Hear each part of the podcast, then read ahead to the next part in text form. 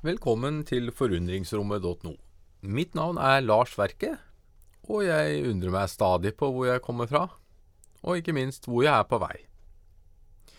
I denne episoden skal vi fortsette å lese i boka Himmeljorden av Per Ingvar Haukeland, og vi har nå kommet fram til kapittel seks, og det har tittelen Vær den forandring du søker der du er.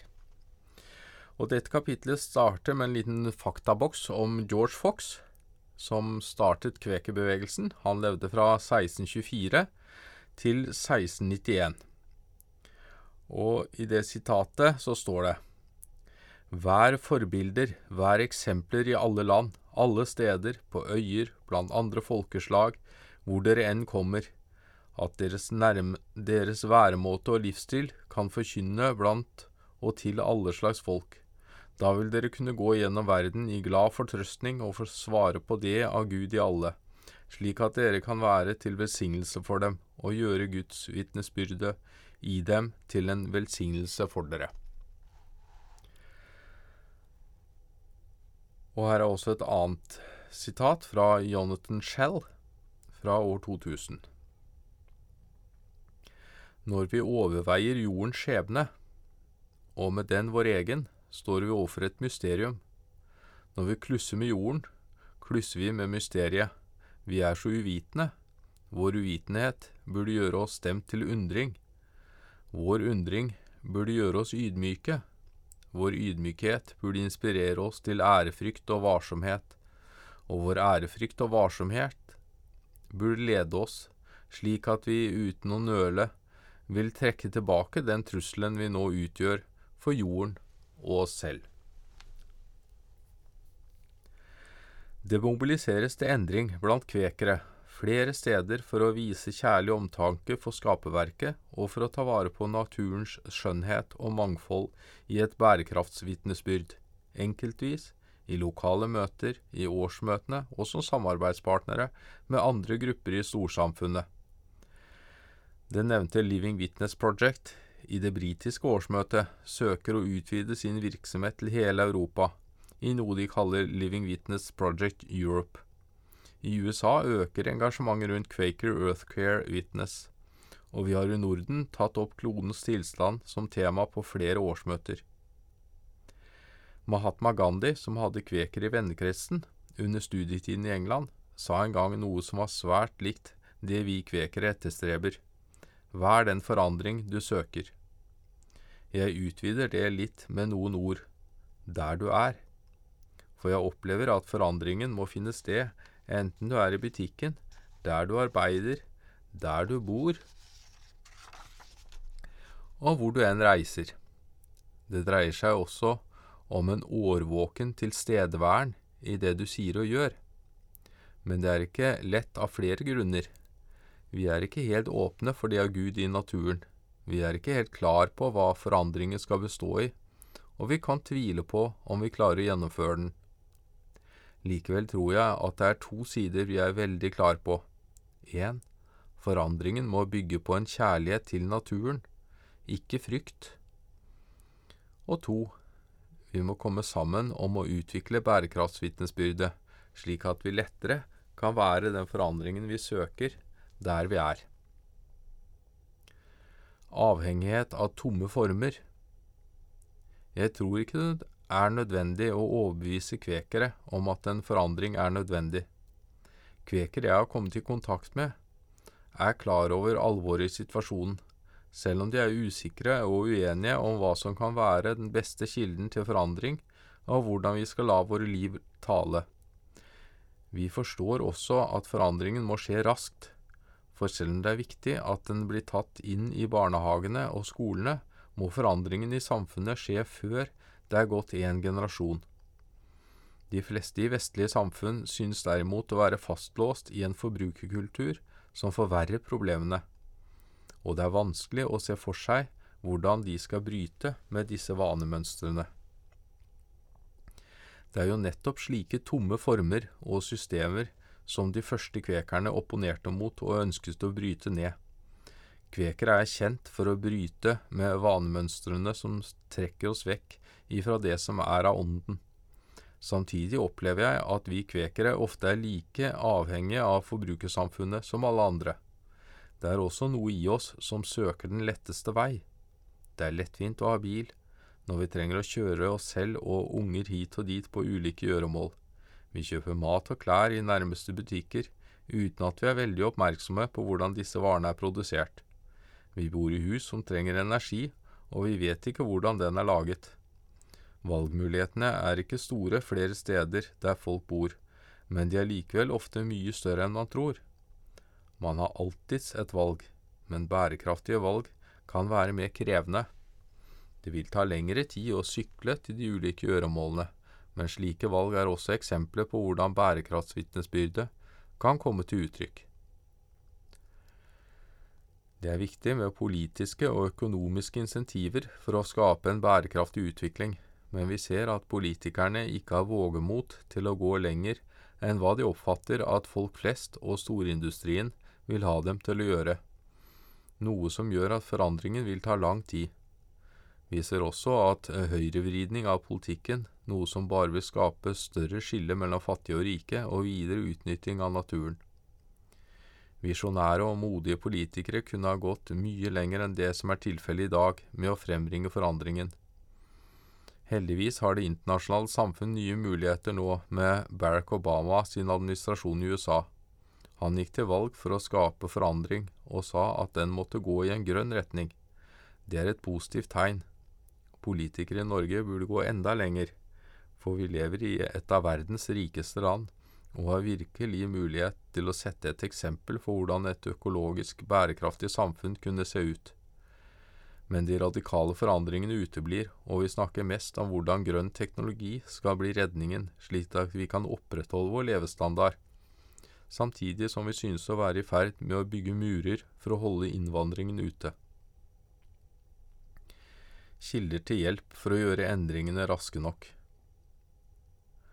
På tross av mange positive tegn i tiden, er spørsmålet fortsatt om forandringen kommer raskt nok, og at den blir tilstrekkelig omfattende til å gjøre noe med den kritiske situasjonen for Gaia. Ifølge FNs klimapanel har vi ikke veldig lang tid på oss. Det haster med å redusere klimautslipp i en størrelsesorden som monner. Hvis ikke vil den globale oppvarmingen kunne løpe løpsk og livsgrunnlaget på kloden slik vi kjenner det, vil være truet. Arne Næss sier at fronten er lang når det gjelder hvilke områder vi skal fokusere på for å fremme en bærekraftig utvikling. Vi trenger politiske, juridiske, økonomiske og teknologiske endringer i en grønnere retning. Endringer kan komme fra ytre og indre press. Det må strukturelle og systematiske systemiske endringer til på samfunnsnivå som legger et ytre press på folks valg og handlinger. Her er endringer av insentiver og lovverk nærliggende, men endringer kan også forekomme ved et indre press. Ness snakker om handlinger som vokser ut av en indre tilbøyelighet for vakre handlinger. I lys av bærekraftsvitnesbyrdet skal vi her litt nærmere, se litt nærmere på to kilder som kan motivere til dype og raske nok endringer på et personlig plan. Den ene er en personlig krise, og den andre er kjærligheten og gleden. Får vi en dødelig kreftdiagnose, kommer vi ut for en ulykke eller plutselig mister noen av våre nærmeste, da endrer hele verden seg. Alt man er vant til rakner, og man ser ofte på seg selv og livet med helt nye øyne. Det kan gjøre sitt til at vedkommende forandrer livsførsel mer i tråd med hva han eller hun dypest sett vil.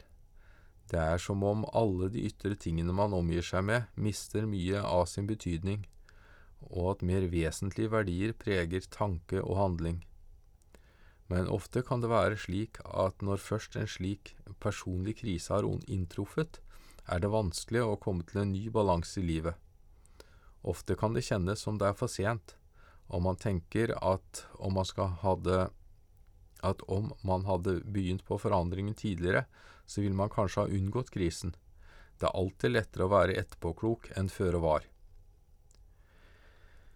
Jeg tror at om flertallet skulle oppleve den globale økologiske krisen på kroppen som en personlig krise, Da vil krisen dessverre ha kommet for langt.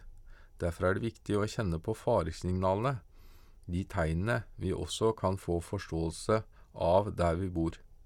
De lokale økosystemene endrer seg i takt med klimaendringene, og nye arter kan være på vei inn og andre truet. Dette er signaler som vi bør ta mer på alvor, for de store økologiske endringene er ikke nødvendigvis inkrementale, som skjer med små skritt, men de kan være eksponentielle, som skjer i store hopp. Likevel tror jeg at kunnskapen om slike signaler ikke er nok for å få folk til å sette i gang de store, radikale endringene. Det er fortsatt tvilen som preger folks oppfattelse av jordens tilstand, og folk benekter situasjonen selv om de står midt oppi den. Det er som om samfunnet er et stort skip som lenge har gått i feil retning og i altfor stor fart, og som nå har truffet et isfjell. Noen forsøker å tette hullet, andre forsøker å snu skuta, slik at man ikke treffer nye isflak, mens de fleste slapper av i den tro at skipet ikke kan synke før de står til knes i vann. La oss håpe at det ikke kommer til det, for da vil krisen få dimensjoner vi ikke ønsker å forestille oss. Det er nemlig ikke nok livbåter til alle, og ofte er det da de fattige og minst ressurssvake som vil falle utenfor. Om dette er naturlige svingninger, spiller vel egentlig ingen rolle, for det som skjer, det skjer. Det eneste vi kan håpe på, er at vi mennesker kan bidra til å gjøre noe med situasjonen, men det er vanskelig å se oss selv som en del av løsningen om vi ikke ser oss selv som en del av problemet. Jeg tror at det finnes en annen kilde som samtidig er en positiv kraft til forandring, nemlig kjærligheten og gleden. Møter du kjærligheten, og det er gjensidig, vil alt i livet forandres og settes i dette kjærlighetens lys. Det er nærmest som om kjærligheten favner alt og alle. Du får uante krefter og kan gå gjennom tykt og tynt for den eller dem du retter kjærligheten mot. Kjærligheten er for meg den bærende kraften til forandring i en bærekraftig retning. Er du dypt og inderlig glad i noe eller noen, vil du gjøre ditt ytterste for å ta vare på det eller den, men frykter du noe eller noen, vil du forsøke å unngå det eller den. Frykten for hva som kan skje med kloden, gjør at mange føler håpløshet, apati og mismot. Man forsøker da i stedet å la være å tenke på det, og håper at det ikke blir så ille som noen påstår. Det kan føre til en passiv og avventende holdning, noe som gjør at forandringen bare vil ta lengre tid. Frykten er en frastøtingskraft, mens kjærligheten er en tiltrekningskraft. Mange av oss føler at kilden til forandringen ligger i kjærlighet til denne vakre planeten og til våre medskapninger i naturen. For å kunne kjenne denne kraften i oss, må vi åpne våre hjerter og vårt sinn for naturen, våre medskapninger og kloden på en ny måte. Det er med en annen fornuft at vi må stake ut retningen til våre liv. Det er det indre lys i våre hjerter som opplyser kjærlighetens vei i våre sinn. Vi ønsker at denne ånd som er i oss, skal lede oss, ikke tidsånden som sier at veien til rikdom er gjennom hva du har i det ytre.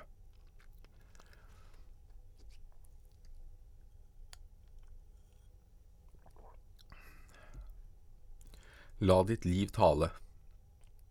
Jeg erfarer at Ånden viser vei til en indre rikdom som fylles av livets egenverdier, slik jeg møter det i den frie natur uten at det belaster kloden med forbruk.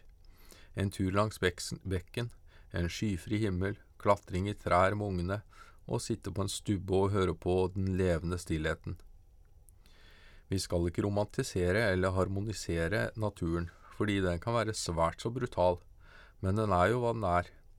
Likevel ser jeg i den fysiske natur et uttrykk for en iboende åndelig og vakker skaperkraft som blåser liv i vårt sjel, sjelsinstrument, slik at vi kan spille vår tone og skape musikk sammen i livets orkester. Når vi så skal drøfte hvordan vi skal la våre liv tale, vil det være naturlig, slik vi har vært innom tidligere, å se på sammenhengen mellom våre vitnesbyrd om fred, integritet og sannhet, fellesskap, likhet og enkelhet. Et bærekraftsvitnesbyrd må nødvendigvis være mangfoldig. Vi ser eksempel flere måter å bære fram fredsvitnesbyrdet på, selv om det ligger en felles grunn vi alle kan enes om, f.eks. militærnekting og ikke-voldelige aksjoner. Andre momenter, slik som fredsskatt, er det vektige venner som jobber med, slik at det også kan bli en slik fellesnavner. Det samme vil være tilfellet innenfor utviklingen av et bærekraftsvitnesbyrd. Britiske venner snakker om å vitne på en måte som går i fire retninger. Innover oss selv, utover til andre, oppover mot Gud og nedover i den verden vi lever i. Et bærekraftsvitnesbyrd er igjen ikke noe som kommer på toppen av våre andre vitnesbyrd. Jeg tror at mye av kraften til et slikt vitnesbyrd griper over alle de andre. Jeg vil gå så langt som å si at et bærekraftsvitnesbyrd er avhengig av alle de andre vitnesbyrdene, eller med andre ord, alle de nevnte fem vitnesbyrdene må komme sammen i bærekraftsvitnesbyrdet. For å gi et eksempel, et bærekraftsvitnesbyrd kan da bety at vi utvider fredsvitnesbyrdet til å inkludere en grønn fred, slik kvekeren Irving Stowe gjorde med Greenpeace. Vi utvider integriteten mellom ord og gjerning i retning av en bærekraftig livsstil, i integritets sannhetsvitnesbyrdet. Vi utvider forståelsen av fellesskap på en slik måte som inkluderer våre medskapninger i fellesskapsvitnesbyrdet. Vi utvider forståelsen av det av Gud i mennesket til det av Gud i ethvert levende vesen, i likhetsvitnesbyrdet. Og vi utvider enkelhetsvitnesbyrdet i en dybdeøkologisk retning, med vekt på et rikt liv med enkle midler. Fra Arne Næss. Jeg tror ikke det er mye som skal til for at en slik utvikling skal forekomme, og de fleste av oss forsøker så godt vi kan allerede. Dermed vil bærekraftsvitnesbyrdet mer eller mindre være en presisering av hvordan de andre vitnesbyrdene bidrar til en bærekraftig personlig og samfunnsmessig utvikling. Bærekraftsvitnesbyrdet må, slik jeg ser det, ha dette større perspektivet i seg. Å kjempe mot militariseringen og den økende motstanden mot innvandring i Europa fra klimautsatte områder vil være ett eksempel. Det samme vil arbeid for å utjevne forskjellene mellom fattige og rike være forskjeller som er tuftet på en ikke-bærekraftig livsstil hos de rike. Vi trenger å samarbeide med andre grupper for å få dette til. Jeg har tro på å mobilisere de som allerede er overbevist om at noe må skje, men som er usikre på hva de kan gjøre. Slik kan vi få i gang en bevegelse av de få som kan påvirke de mange, en strategi kvekerne er godt kjent med metoder som kan hjelpe oss være den forandring vi søker der vi er. For å hjelpe oss å være den forandring vi søker der vi er, opplever jeg at vi selv trenger å gå gjennom en bevisstgjøringsprosess. Som nevnt er mange av oss avhengige av samfunnssystemer, og vi vet ikke helt hvordan vi skal bryte avhengigheten. Her vil jeg forsøke å komme med noen hjelpemidler på veien ved å se på hva som er gjort tidligere. Deretter vil jeg avrunde med et forslag til tematikk for en dybdeøkologisk læringssirkel. Når vi ser hva krekere har gjort for å få til forandring på ulike steder, er det mye vi kan hente lærdom fra, også i utviklingen av bærekraftsvitnesbyrdet. Her er noen eksempler. Forandringsmetodikken Kvekehjelp Kvekehjelp i Norge har utviklet metodikk for å skape endring i situasjoner for mange, som for mange kan virke håpløse. Egil Magne Hovdenak har beskrevet denne metoden flere steder, som i Utvikling med egne krefter, som kom på Kvekforlaget 1993, Utvikling på egne bein, Kvekforlaget 1996, og Forandringsagentene, visjon og virkelighet, Kvekforlaget 1998. Fra Kvekehjelps erfaring med forandringsmetodikken kan vi trekke en del lærdom, bl.a. at bare folk selv kan skape utviklingen, at alt hjelp må være hjelp til selvhjelp, tilpasset lokale behov, at prosessen begynner med bevisstgjøring, bred og folkelig deltakelse, arbeid i grupper, personlig utvikling, fra visjon til virkelighet, byen der du er, menneskene er den fremste ressursen for endring, og behovet for å utvikle nye mønstre. Egil Hovdenak oppsummerer utfordringer slik Venter vi av andre at de skal endre seg, må vi først rette krav om endring til oss selv. Be the change. Dette er en metodikk som er utviklet av Living Witness Project, LWP, og som er brukt i flere lokale kvekermøter i England.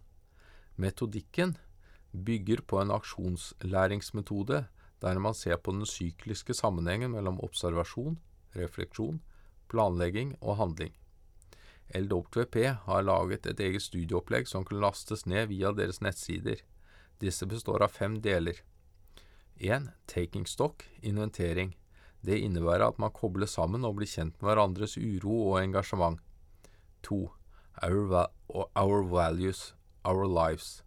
Dette handler om å dele med hverandre våre personlige verdier, slik vi uttrykker dem i våre liv, og hvordan de henger sammen med kvekervitnesbyrdene. 3.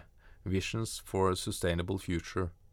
I denne seksjonen arbeides det med å utvikle visjonen for hva som er mulig for framtiden. 4.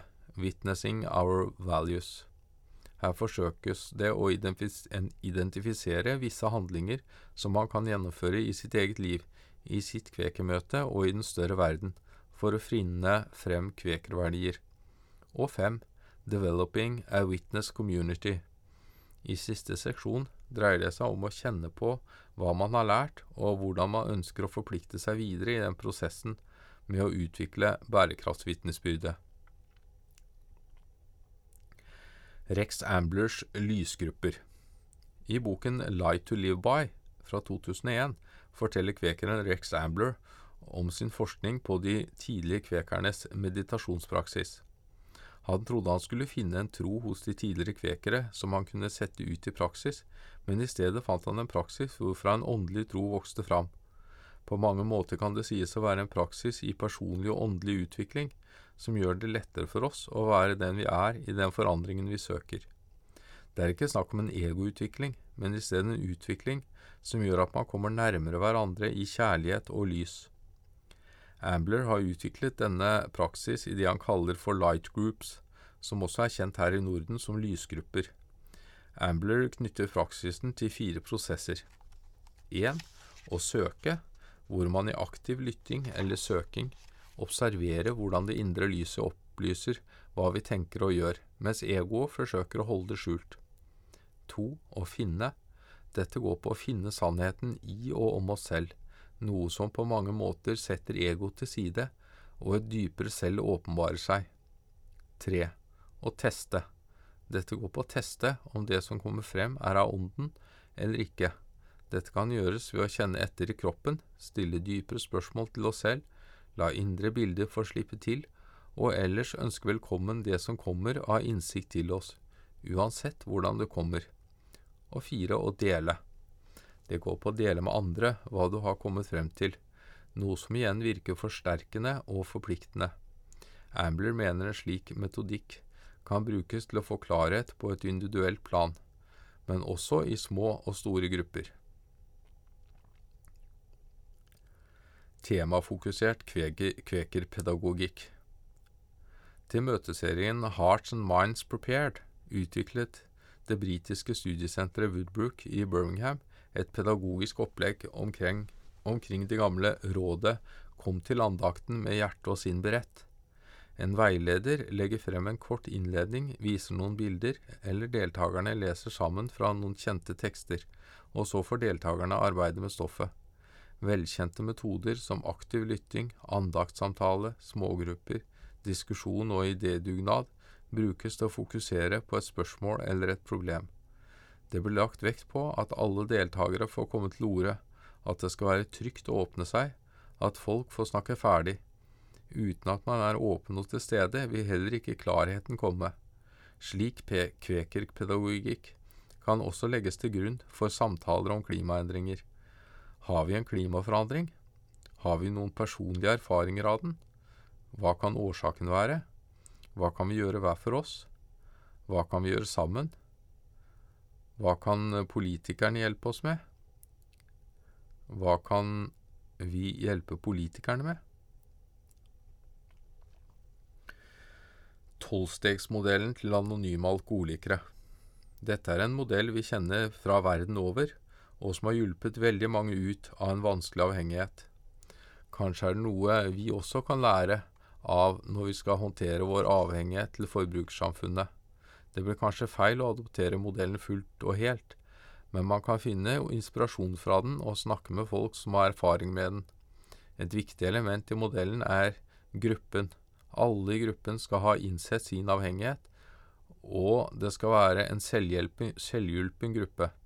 Formålet er å hjelpe hverandre til å komme ut av avhengigheten, bl.a. ved hjelp av tolvstegsmodellen. Gruppen skal holde fokus, og de skal respektere anonymiteten. Vi forsøker på en måte å gå motsatt, dvs. Si at vi skal bli mindre anonyme og mer verbale i vår opposisjon til den uretten som foregår. De tolv stegene innebærer, kort fortalt, 1. Erkjennelse av maktsløsheten og tap av kontroll. 2. Innsikt i at en kraft sterkere enn, egen, enn vår egen kan hjelpe oss å få tilbake vårt liv og fornuft. 3. Legge egenviljen og sitt liv i Guds hender, slik vi selv oppfatter Gud. 4. En gjennomgripende og direkte moralsk selvgranskning. 5. Erkjennelse overfor Gud og oss selv og våre medmennesker av feilene vi har gjort og konsekvensene av dem. 6. Forberede oss til å la Gud ta bort alle disse karaktertrekk. 7. Be Gud ta bort det som svikter i oss. 8 se for oss alle vi har gjort ille mot, og være beredt til å gjøre ting godt igjen for dem alle. 9. Gjøre opp med alle på lista, så fremt det er mulig. 10. Fortsette selvransakelsen og erkjennelsen av feil er gjort. 11. Gjennom bønn og meditasjon få en sterkere kontakt med Gud slik vi oppfatter Gud. Og 12. Når vi selv er blitt opplyst, forsøke å hjelpe andre avhengige og samtidig uttrykke disse prinsippene i alt man foretar seg.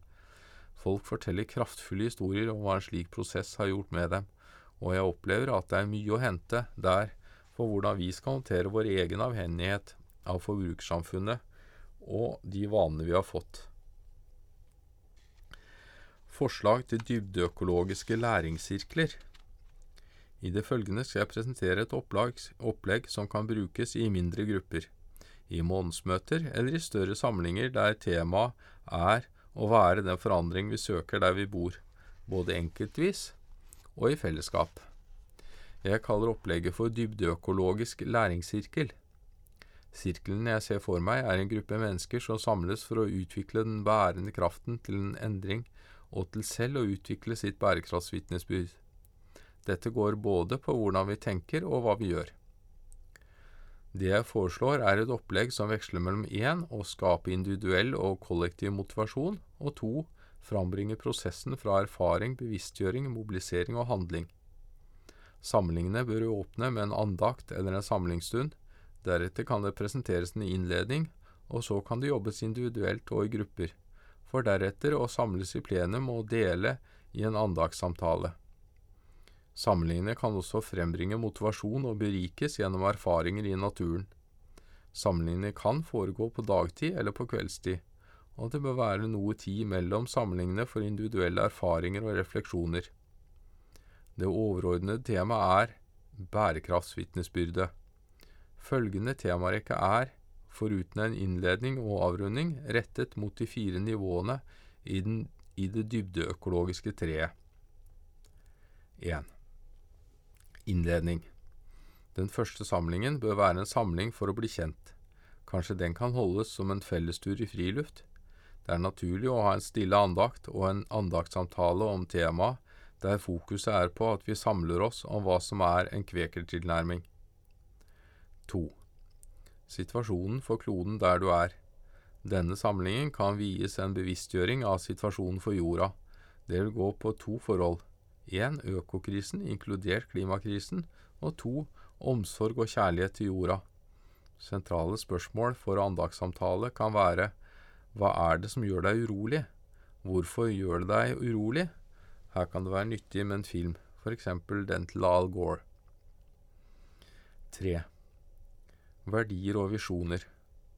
Hva slags verdier og visjoner ser du for deg som viktige å kjempe for fremover? Her kan vi snakke om individuelle verdier, men vi er spesielt opptatt av hvilke verdier vi som kvekere ønsker å hegne om i framtiden. Her kan det være en idé å ta en gjennomgang av og reflektere over den dybdeøkologiske kvekplattformen i sju punkter, som vi snakket om i et tidligere kapittel. 4. hemmere og fremmere for en bærekraftig framtid? Hva må til av endringer for å realisere en bærekraftig fremtid? Hvordan skal vi individuelt og i fellesskap mobilisere til handling? Det er viktig både å bygge opp et individuelt og et felles engasjement. Hva må til av endringer, på hvilke områder, og hva vil motivere til handling? Hva er hemmere og fremmere av en slik realisering? En måte å gå fram på, individuelt og i fellesskap, er å se på LWPs tekst Walk cheerfully, step lightly. Grønne råd og spørsmål kan også gjennomgås og diskuteres. Kanskje kan gruppen lage sine egne råd og spørsmål. 5. Om å bære vitne. Hvilke konkrete valg må jeg eller vi ta, og i hvilke situasjoner? Her kan det være nyttig med en gjennomgang av kvekervitnesbyrdene i lys av konkrete situasjoner. Det er også mulig å iverksette direkte aksjoner. Og 6. Veien videre. Det er viktig med en avslutningssamling der deltakerne får mulighet til å oppsummere prosessen og snakke om veien videre med fortsatt støtte til hverandre. Dette kan også være en anledning til å skrive en epistel om erfaringer som så kan sendes rundt slik at andre grupper kan lære av hva gruppen har vært med på. Jeg vil oppfordre kvekere til å samles og forsøke å gjennomføre slike dybdeøkologiske læringssirkler der du bor, gjerne med ikke-kvekere. Det er også fullt mulig å kombinere metodikker og lage sitt eget opplegg, og så dele erfaringer med hverandre, slik at vi sammen kan hjelpe hverandre og bære frem bærekraftsvitnesbyrdet der vi er. Det viktigste er at vi sammen hjelper og støtter hverandre å være den forandringen vi søker der vi er. Det var kapittel seks i boka 'Himmeljorden' av Per Ingvar Haukeland. Da takker jeg for følget, og ønsker velkommen tilbake til kapittel sju i neste episode. Ha det bra!